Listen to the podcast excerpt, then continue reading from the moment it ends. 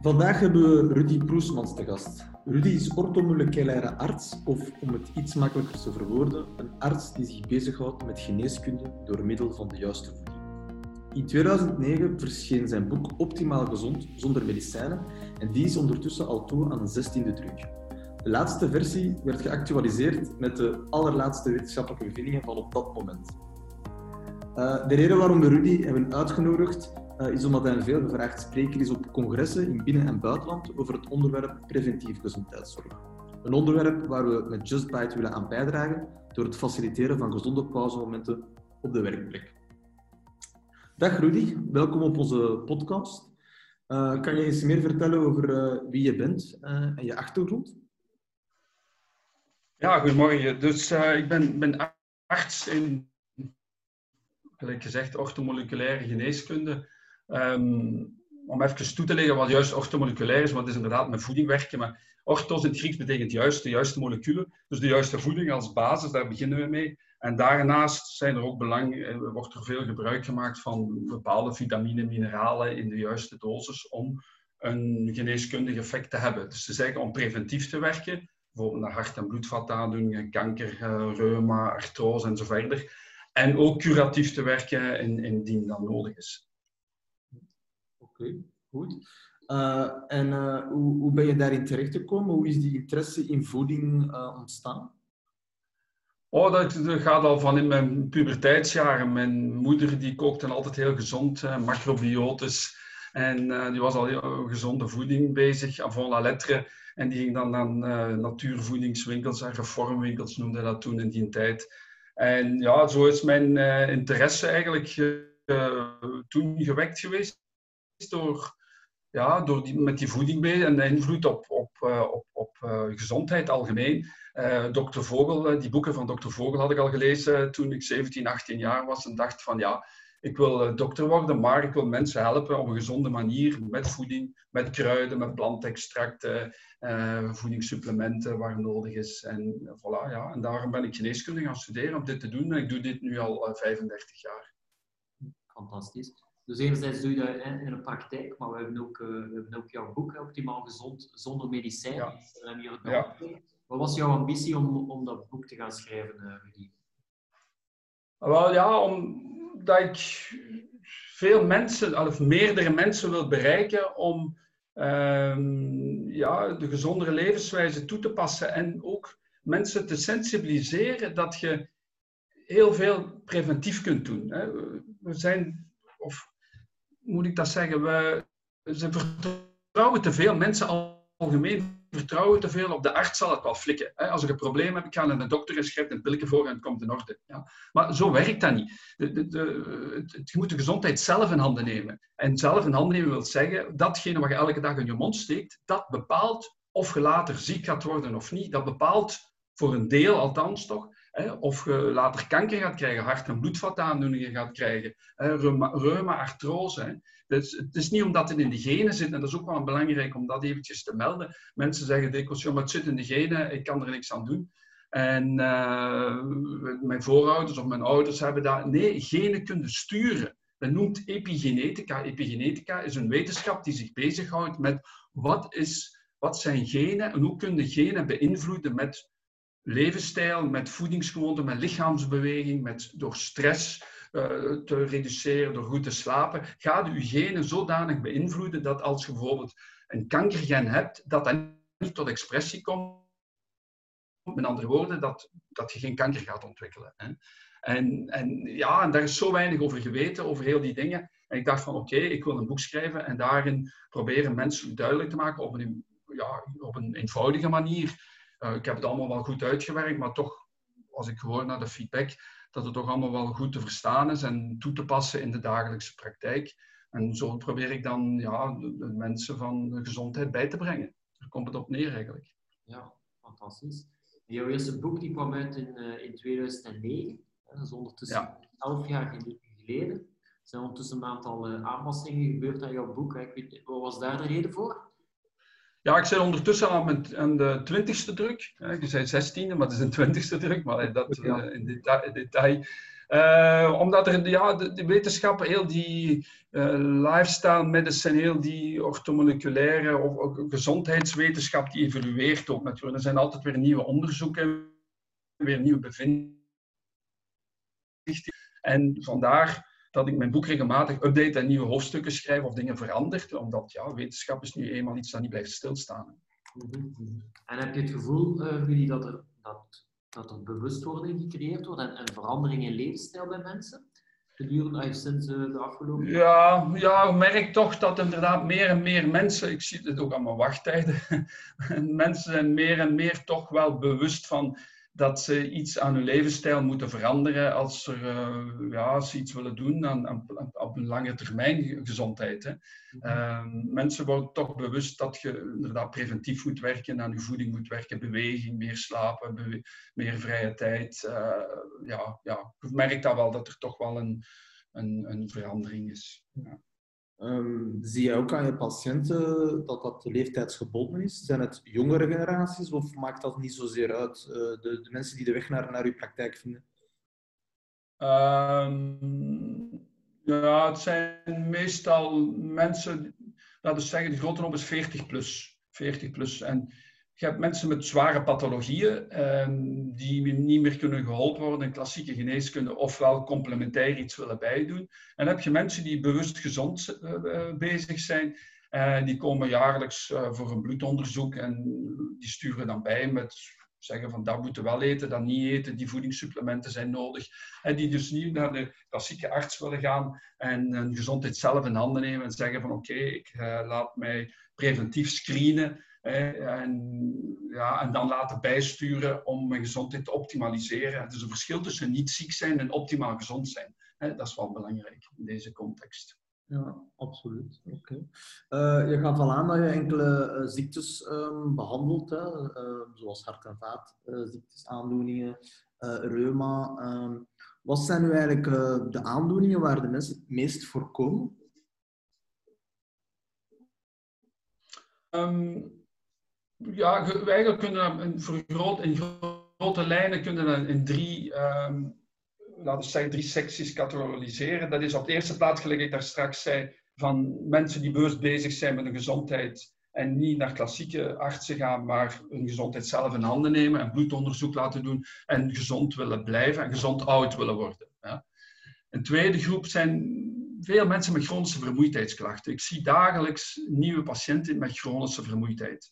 En chronische vermoeidheid, ja, dat is multifactorieel. Er zijn heel veel mogelijke oorzaken. Dat gaat van slechte darmfunctie tot geen optimale werking van de schildklier, door uh, tekort aan allerlei vitamine, mineralen, tekort aan coenzyme Q10 en. Allee, dat is heel uitgebreid en dat is een, een, multifactoriële aanpak. Er is niet zo één ding, de magic bullet van hier is je pilletje en neem dat elke dag en je zult terug beter worden. Nee, je moet dat echt, gelijk een puzzel moet je alle stukjes bij elkaar zoeken en om dan tot uiteindelijke resultaten te komen.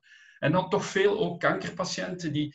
Um, ik behandel geen kanker als dusdanig, die blijven bij hun klassieke behandeling in, in het ziekenhuis, bij de oncoloog, maar ik geef ze ondersteunende therapie. Ondersteunende therapie die de nevenwerkingen van hun klassieke therapieën vermindert en de effectiviteit van de chemo, radiotherapie en chirurgie en zo ondersteunt en verbetert zelfs. Uh, als ze in behandeling zijn, komen ze bij, maar ook nadien, uh, als de behandeling is gedaan in het ziekenhuis, ja, dan moet er natuurlijk preventief ook werken. Eens kanker gehad, dat kan terugkomen. Mhm. Klassieke behandeling is curatief gericht, ook wel preventief gericht met sommige chemotherapie en zo. Maar dan zitten, ja, met chemotherapie alleen gaat er ook niet komen. Je moet je constitutie, terrein, algemeen, je gezondheid optimaliseren om zodanig te voorkomen dat dat, dat, gaat terugkomen. En daar kun je veel aan doen. En dan zitten met die epigenetica, gelijk ik daar straks zei, je, genen sturen zodanig dat je een optimale weerstand naar, naar kanker hebt. Ja, oké. Dus ik het goed begrijp, het is een beetje een, eh, een, een balans van de traditionele geneeskunde in combinatie met um, de, de behandelingen um, die jij um, zal verzorgen. Kan ja. je daar een beetje meer over vertellen? Over uh, de patiënten uh, die, tot, die tot bij u komen, wat, wat voor behandelingen gebruikt je nou zo, zoal om, om die ziektes te bestrijden? Wat moeten we daaronder begrijpen? Op de eerste plaats is de voeding. Hè. Ik doe een uitgebreide voedingsanamnese. Uh, mensen vertellen mij wat ze wel eten, wat ze niet eten. Hè, daar gaan we uitgebreid naar kijken. Eventueel doen we voedingsintolerantie, geen allergie, maar voedingsintolerantie testen met het bloed.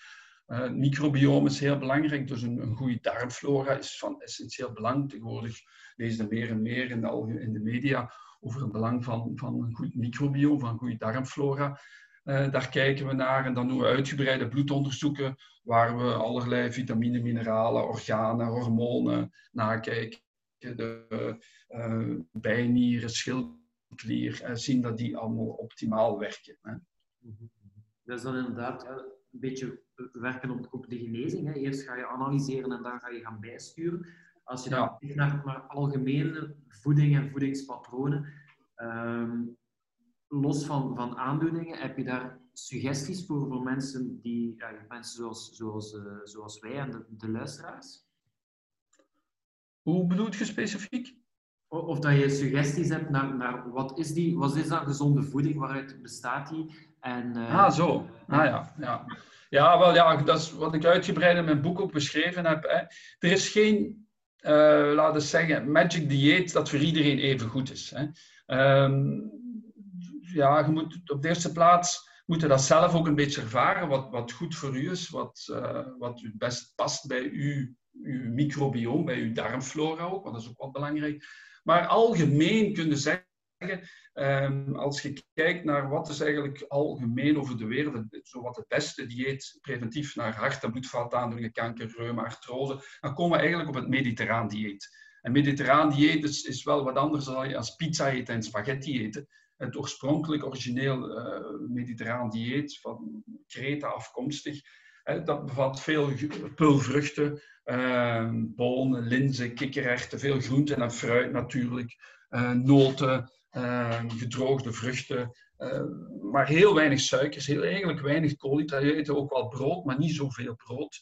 en daar mag natuurlijk ook een glaasje wijn bij zijn. Ehm, weinig vlees, wel kaas, maar dan eerder schapenkaas, geitenkaas en meer in die richting. Dus algemeen, ik zal niet zeggen een volledig vegetarisch dieet, maar toch meer vegetarisch gericht. Veel groenten, veel fruit, bonen, linzen, kikkererwten, noten en wat uh, schapenkaas, geitenkaas. En daarbij mogen natuurlijk ook wel wat genotmiddelen, gelijk wat, wijn en um, wat suikermiddelen gebruiken ze ook, maar heel, heel weinig. En dan eerder van uh, vijgen, dadels, rozijnen en die dingen. Oké, okay, dus, dus uh, als ik het dan hoor, uh, redelijk gebalanceerd. Hè? Want allee, je leest heel veel uh, ja. internet in het algemeen. Er zijn verschillende levensstijlen, diëten die aan populariteit winnen. Denk maar aan paleo, keto, eiwit, diëten. Maar ook ja. vegetarisch en vegan, allemaal wel een beetje um, aan de extreme kant. Dus als ik het dan goed, goed, begrijp, um, bestaat er dan zoiets als een juist dieet? Nee, er bestaat niet zeker een juist dieet. Uh, gelijk ik zeg, het magic dieet wat voor iedereen past, dat is niet. Algemeen kunnen zeggen, mediterraan dieet past het best algemeen, voor uh, algemeen de gezondheid te ondersteunen. Um, en naar bescherming naar kanker, hart- en bloedvataandoeningen. Maar je hebt inderdaad veel populaire diëten, gelijk het keto-proteïne-dieet. Nu, ik ben niet tegen keto-dieet, maar op de eerste plaats moet dat toch wel nuanceren. Kun je niet voor heel leven doen. Je kunt dat voor een paar weken, een maand doen om, om te vermageren. Maar er zijn toch wel nadelen aan, omdat dat heel sterk verzurend werkt. En dan ben ik eerder, ik adviseer dan mensen meer naar een, een vegetarisch uh, keto-dieet. En dat gaat wel. Veganistisch keto-dieet is bijna niet mogelijk, maar je kunt wel een vegetarisch uh, met wel gebruik van eieren en, en kaas en melkproducten. Uh, dan kun je inderdaad wel een ketodieet gedurende x aantal weken doen. Bijvoorbeeld uh, mensen die suikerziekten hebben, mensen die kanker hebben, hebben kankerpatiënten of moeten geopereerd worden of uh, chemotherapie krijgen, kan een ketodieet zeker zinvol zijn, maar ook beperkt in tijd. Um, ook een proteïnedieet, dat is met die shakes, daar ben ik eigenlijk wel tegen, tegen die shakes. Want dan leerden mensen echt ja, alleen maar eten met, met, met, met, met van die shakes, met die poedertjes. En daar ben ik zo geen voorstander voor. Ik vind dat je toch met echte voeding moet doen. En, uh, en, daar kun je ja, het meeste toch wel niet doen. Ik heb dan ook macrobiotisch dieet, waar ook, eh, ik heb bijvoorbeeld kankerpatiënten die, waar ik aanraad uh, van start met keto, ga dan over op low uh, carb, hè, dus lage koolhydrateninname. Maar sommige mensen zijn daar toch niet goed mee, die zijn dan precies wel beter met macrobiotisch dieet, wat ook een laag koolhydratendieet is, en, maar dat is toch nog wel een beetje anders samengesteld. En daar zijn mensen dan weer beter. Ik zeg het, je moet zelf een beetje aanvoelen waar je goed mee voelt, maar macrobiotisch, uh, vegetarisch, veganistisch, uh, ja, mediterraan dieet zijn diëten die voor het algemeen voor de meeste mensen wel toepasbaar zijn, goed verdraagbaar zijn en de beste gezondheidsresultaten geven. Ja. Nee, klopt. Uh, ik heb zelf ook geëxperimenteerd met enkele van die diëten en denk, het is misschien goed voor op korte termijn, gedurende een bepaalde fase, om, om, van patroon te veranderen of voor inzicht te krijgen. Maar het probleem bij mij was, ik vond dat niet houdbaar. Dus het heeft geholpen om inzicht te krijgen in, in, in voedingspatronen. Maar, maar vaak zijn ze niet houdbaar. En uiteindelijk denk ik dat de meeste kans op slagen is als je een gebalanceerde mix vindt van verschillende diëten die voor u uh, goed van toepassing zijn. Inderdaad. Dat sluit ik eigenlijk aan met, met, wat, met wat je zegt. Ja. Um, we hebben het daarnet, of je sprak over suiker. Hè. Suiker wordt ook wel eens het, het witte vergif genoemd. Kan je misschien aan de luisteraar uh, meedelen, wat, wat, doet suiker met ons lichaam? Uh, en uh, kunnen we elke vorm van suiker over dezelfde kam scheren? Nee, dat, dat zeker niet. Er zijn, waar, als we spreken over het witte vergif, over de slechte invloed van suiker op onze gezondheid, gaat het natuurlijk over de snelle, geraffineerde suikers. Hè. Onze, onze voeding bevat veel te veel suikers. Als je ziet, uh, naar, uh, als je labels, ingrediënten leest van wat je in de supermarkt komt, overal zit er suiker in. En onze smaakpapillen zijn zodanig verwend en uh, zo zoet gemaakt dat ook van, eigenlijk van kinds af aan we gewoon worden gemaakt aan alles uh, zo zoet mogelijk te laten smaken. Um, we, ja, suiker over het algemeen kan, zeggen, kan je zeggen dat suiker um, sowieso inwerkt op je, op, op je darmmicrobioom. Dus veel koolhydraat, veel snelle suiker. Ik heb snelle suikers en trage suikers. Trage suikers zitten wat er in volkorenbrood, wat er in volle rijst, in, uh, in vol, volkoren pasta en zo zit. Dat zijn de trage suikers. De snelle suikers gaan uh, je microbioom beïnvloeden. Hè? Dus gaan invloed hebben op je darmbacteriën, uh, zodanig dat die dan weer gaan veranderen en je immuniteit, je weerstand kan zakken. Suikers gaan meer risico geven tot kanker. Dus aangetoond, voldoende aangetoond, heel veel epidemiologisch onderzoek, onderzoek met zoveel duizenden mensen, zie je dat mensen die heel veel suikers gebruiken, meer risico op borstkanker hebben, op darmkanker hebben, op uh, prostaatkanker kanker, pancreaskanker. Dus het suikerinname is duidelijk gerelateerd aan het voorkomen uh, van, van kanker. Ook hart- en bloedvataandoeningen, want veel suiker gaat insulineresistentie verhogen. Insulineresistentie verhogen wil zeggen meer risico tot hart- en bloedvataandoeningen, tot suikerziekte type uh, 2, diabetes type 2 uh, reumatische aandoeningen, artrose. Dus suiker is een heel grote boosdoener van talrijke aandoeningen die, die je liever niet wilt hebben. En ja, gewoon suiker vermijden is al een heel grote stap om je gezondheid naar, naar een goede richting te leiden. Mm -hmm. En je zegt suiker vermijden, heb je het dan over alle type vormen van suikers? Of zijn er daar toch wel een bepaalde die je, die je echt moet mijden en andere die je zegt van, uh, van dat kan zeker wel? Ja, snelle suikers sowieso. Uh, die moeten sowieso vermijden. Al die, die, die snacks en frisdrankje, al die dingen die barsten vol suiker zitten, die zeker. Um, trage suikers, is een beetje afhankelijk. Hè. Ook mensen die overgewicht hebben en diabetes type 2 hebben, zeg ik ook van geen trage suikers ook niet. Dus geen koolhydraten tout court. Um, omdat die anders van hun probleem niet afgeraken. Maar mensen die gezond zijn en um, veel lichaamsbeweging doen en een goed gewicht hebben en geen problemen hebben met cholesterol en, en suiker en zo verder, die kunnen inderdaad wel traag werkende suikers gebruiken, gelijk volkorenbrood en noten, uh, gedroogde vruchten, uh, vijgen, dadels, van die dingen, uh, die kunnen dan zeker, hebben zeker een plaats staan. Ja. ja, dat is ook de reden waarom ik zelf Just Bite destijds heb opgericht. We spreken dan over de periode begin 2018. Ik ben zelf, uh, zelf ook vrij sportief en ik zag heel veel van die gezonde tussendoortjes opkomen in de markt. En vooral online en in de winkels. Maar ik zag dat heel veel van die tussendoortjes, als nog wel heel veel vetten, suikers en toevoegingen bevat, hè, die, die geraffineerde suikers. Ja. Dat was destijds eigenlijk mijn drijfveer om, uh, om Just Bite op te richten. Het is toen eigenlijk een beetje van een hobbytraject naar een, uh, een voltijdse uitdaging gegaan. Maar wat dat we doen met Just Bite is gezonde tussendoortjes gaan, gaan selecteren. Ik heb daar destijds een diëtist voor onder de arm genomen. En we hebben een model gedefinieerd waarin dat we die kunnen gaan selecteren. Maar die, uh, zoals je zegt, die, die snelle suikers, geraffineerde suikers, die komen er bij ons sowieso niet in. Uh, en, en de producten waar je over spreekt, vijgen, dalers, al die zaken, dat zijn, uh, zijn zaken die bij ons wel, wel kunnen. Net omdat ze zoveel voedingswaarden ook bieden. Hè. Enerzijds hebben ze ja. een bepaalde hoeveelheid suikers. En anderzijds bieden ze wel effectief meerwaarde ook voor het lichaam.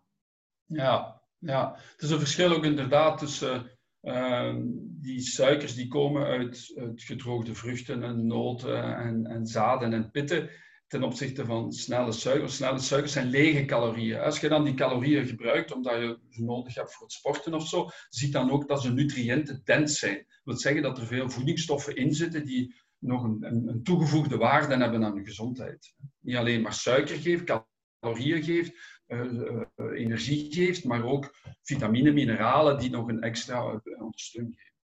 Ja, nee, klopt. We lazen op je website dat je ook aan triathlon doet. enkele podcasts geleden hadden we Dirk Buijbus te gast. Dirk is ex-top triatleet en oprichter van het sportvoedingmerk INME. Dat staat voor natuurlijke, plantaardige en biologische sportvoeding. Um, hoe sta jij tegen een vervoeding in functie van sport en uh, wat, wat nuttig jij zelf tijdens het sporten? Ja, voeding is natuurlijk heel belangrijk bij het sport, uiteraard. En jammer genoeg zijn de vele sporters, uh, ja, hechten daar weinig belang aan. Ook een coach of een begeleiders weinig. Alhoewel, ik merk dat er toch wel wat een kentering is. Maar ook gelijk, ja, als je ziet wat wielrenners en zo, hoeveel suikers, van die snelle suikers die die eten, en daardoor gezondheidsproblemen, darmproblemen. Dat geeft heel veel darmproblemen, gelijk ik daar straks ook zei. Als je veel koolhydraten, veel snelle suikers, dat heeft een invloed op het microbiome. En, en veel van die, die duursporters die volstoppen met die snelle suikers, hebben op termijn allemaal darmproblemen en, en een slechte darmflora. Dus het is wel belangrijk van, ja, van voeding met ook vezels, zowel dat soms wat moeilijk is, dan moet je zelf een beetje zoeken van want dat, die vezels kunnen dan weer op je darmen werken tijdens het sporten. Maar um, een gezonde snack tussendoor en zo. Ik, maakte, ik heb dat eigenlijk nooit niet gedaan, die, die snelle snack. Ik heb altijd zo mijn eigen zaken zelf meegenomen in mijn rugzakje of in, in mijn uh, fietszakje. Zak, daar staken dan noten en rozijnen in en, en, en dadels. Ik had nogal veel dadels ook. Uh, meer van die gezonde dingen. Maar ook mijn drinkenbus, er zat niet van die uh, sportdranken, ook vol suikers. Uh, ik deed, maakte er zelf met een beetje zout en, en, wat, wat honing. Of ook wel wat suiker. Je mocht ook wel wat suiker hebben, maar niet die overdaad die in die klassieke dranken zit. Dat zit al, die zijn echt heel slecht van samenstelling. Oké. Um, dat is natuurlijk vooral voor sporters die, die zeer fysieke inspanningen leveren. Um, dan daarnaast ook, misschien de luisteraar, dat zich daar meer aangesproken zal naar, naar voelen. Um, is dat ook geldig voor de zittende werkende bevolking, hè, waar het meer gaat om uh, mentale inspanningen? Ja, ja, bedoelt van, van gezonde snacks bij mensen ja. die de hele dag achter hun bril zitten? Ja, inderdaad. Uiteindelijk je hebt die duursporters, die gaan beroep doen op, op tussendeurtjes, omdat ze energie nodig hebben dat is vooral voor fysieke inspanningen. Daarnaast hebben er ook heel veel mensen die mentale inspanningen uh, ja. leveren. Uh, wat zou je daarop aanbevelen? Wat voor tussendoortjes zijn daar dan geschikt? Ja, ook zeker geen, geen suikers ook niet, hè? want dan krijg je een suiker, een boost in je bloed. Je krijg je eventjes, krijg je dan wat energie en daarna gaan je, je suiker in je bloed weer zakken. En dan krijg je zo, ja, een, een, een gevoel van een downgevoel, een, een uitputtingsgevoel. En je moet vermijden dat je die, die yo-yo-effecten hebt. Wat veel mensen doen de hele dag door suikers eten. En zitten in die, ja, continu eh, krijg je dan stimulatie van je pancreas, je insuline. En op lange termijn is dat heel nadelig en meer risico op suikerziekte en overgewicht. Nu ben ik sowieso al niet veel, als je zittend beroep hebt, moet je niet te veel tussendoortjes nemen. Als je dan iets wilt eten tussendoor, ja, maar hou het dan gezond met, wat fruit en noten en zaden en pitten, meer die dingen. Die ervoor zorgen dat je suiker niet te hoog gaat. En zodanig je meer een steady state van glucose in je bloed hebt. hè, meer een, een, een, ja, een balans krijgt, zodanig dat je niet die hoogtes en die laagtes krijgt.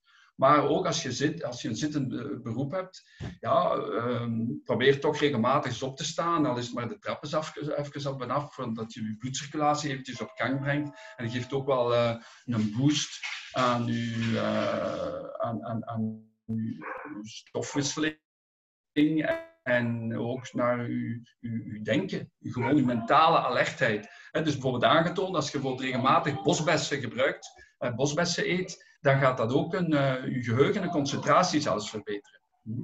Absoluut, inderdaad. Ook wat we met This doen, inderdaad. We gaan, uh, we gaan mensen gaan motiveren, enerzijds om gezond, gezond te gaan pauzeren. Hè, die momentjes om eens, uh, eens recht te staan van je bureau, even buiten te gaan, of iets anders te doen dan het dagdagelijkse werk. En anderzijds, ja, ons leuk, dat hebben we sowieso. Um, en daar proberen we ook mensen bewust te maken van hè, wanneer gezond snakken, waarom gezond snakken. Want inderdaad, mensen leveren dat wel mentale inspanningen, maar uh, de hersenen die nemen ook enorm veel energie van het lichaam om uh, op optimaal te kunnen, uh, te kunnen functioneren. Ja, mm -hmm, inderdaad. Oké, okay, nee, goed. Ik denk dat wij, wij zijn door onze vragen heen. Ik weet niet, Rudy, heb jij nog iets wat je de mensen wilt, of de luisteraars wilt meegeven? Uh, ik, denk, ik denk het belangrijkste gezegd heb, als ik nog één ding misschien wil herhalen, is uh, ik probeer altijd mensen te motiveren van hun gezondheid zelf in handen te nemen. Dat is zo belangrijk van, kijk, je kan heel veel preventief doen.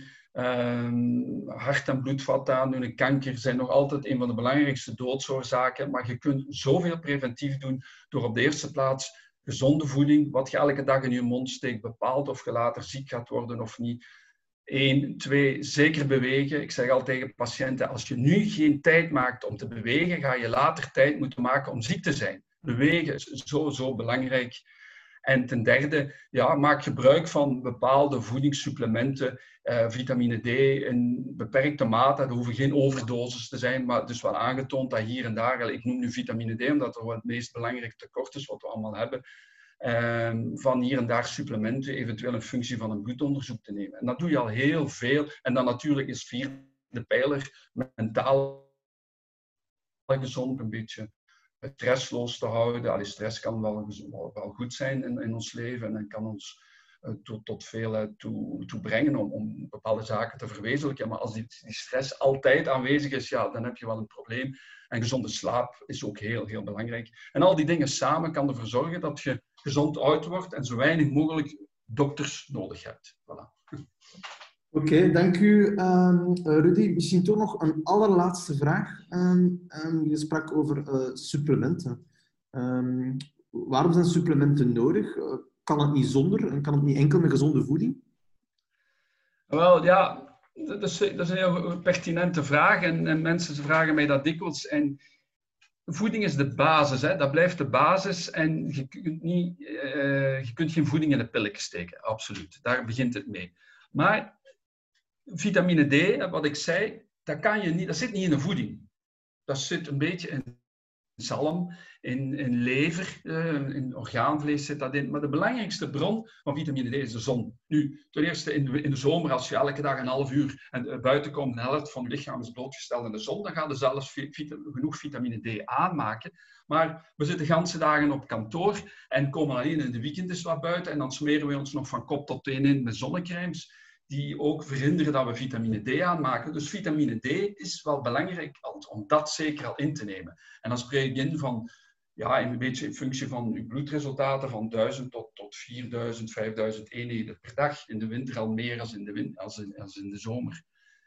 Dus dat is een belangrijk uh, gegeven. Uh, vitamine C wat bijnemen kan absoluut geen kwaad. Gaat je immuunsysteem toch wel optimaliseren. Uh, zink zijn zo wat ja, basis nutriënten die het verschil kunnen maken tussen niet ziek zijn en optimaal gezond. Je kan met je voeding gewoon normaal functioneren, maar als je bepaalde supplementen neemt, een functie van wat jij nodig hebt, kan dat verschil maken tussen niet ziek zijn en optimaal gezond. Optimaal gezond naar uh, bescherming toe, naar kanker, hart- en bloedvaten, verouderingen en zo. Begrijp je?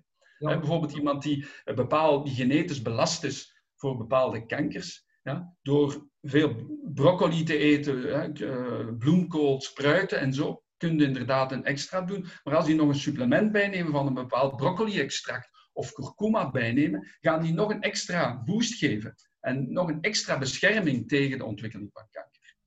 Ja, oké. Nee, dat is goed. Uh, bedankt jullie. Uh, we onthouden vooral dat uh, gezonde voeding de basis is en ja. dat je daarmee preventief heel wat ziektes kan voorkomen. Um, ja. En dat supplementen een aanvulling kan zijn waar nodig. Um, ja. Nogmaals bedankt voor even tijd vrij te maken. Um, Graag gedaan. We wensen u een prettige verlof, want als ik me niet vergis ga je op vakantie. en dan ronden we hier af. Oké, okay, prima. Bedankt, tot ziens. Hè. Tot ziens, dag beste.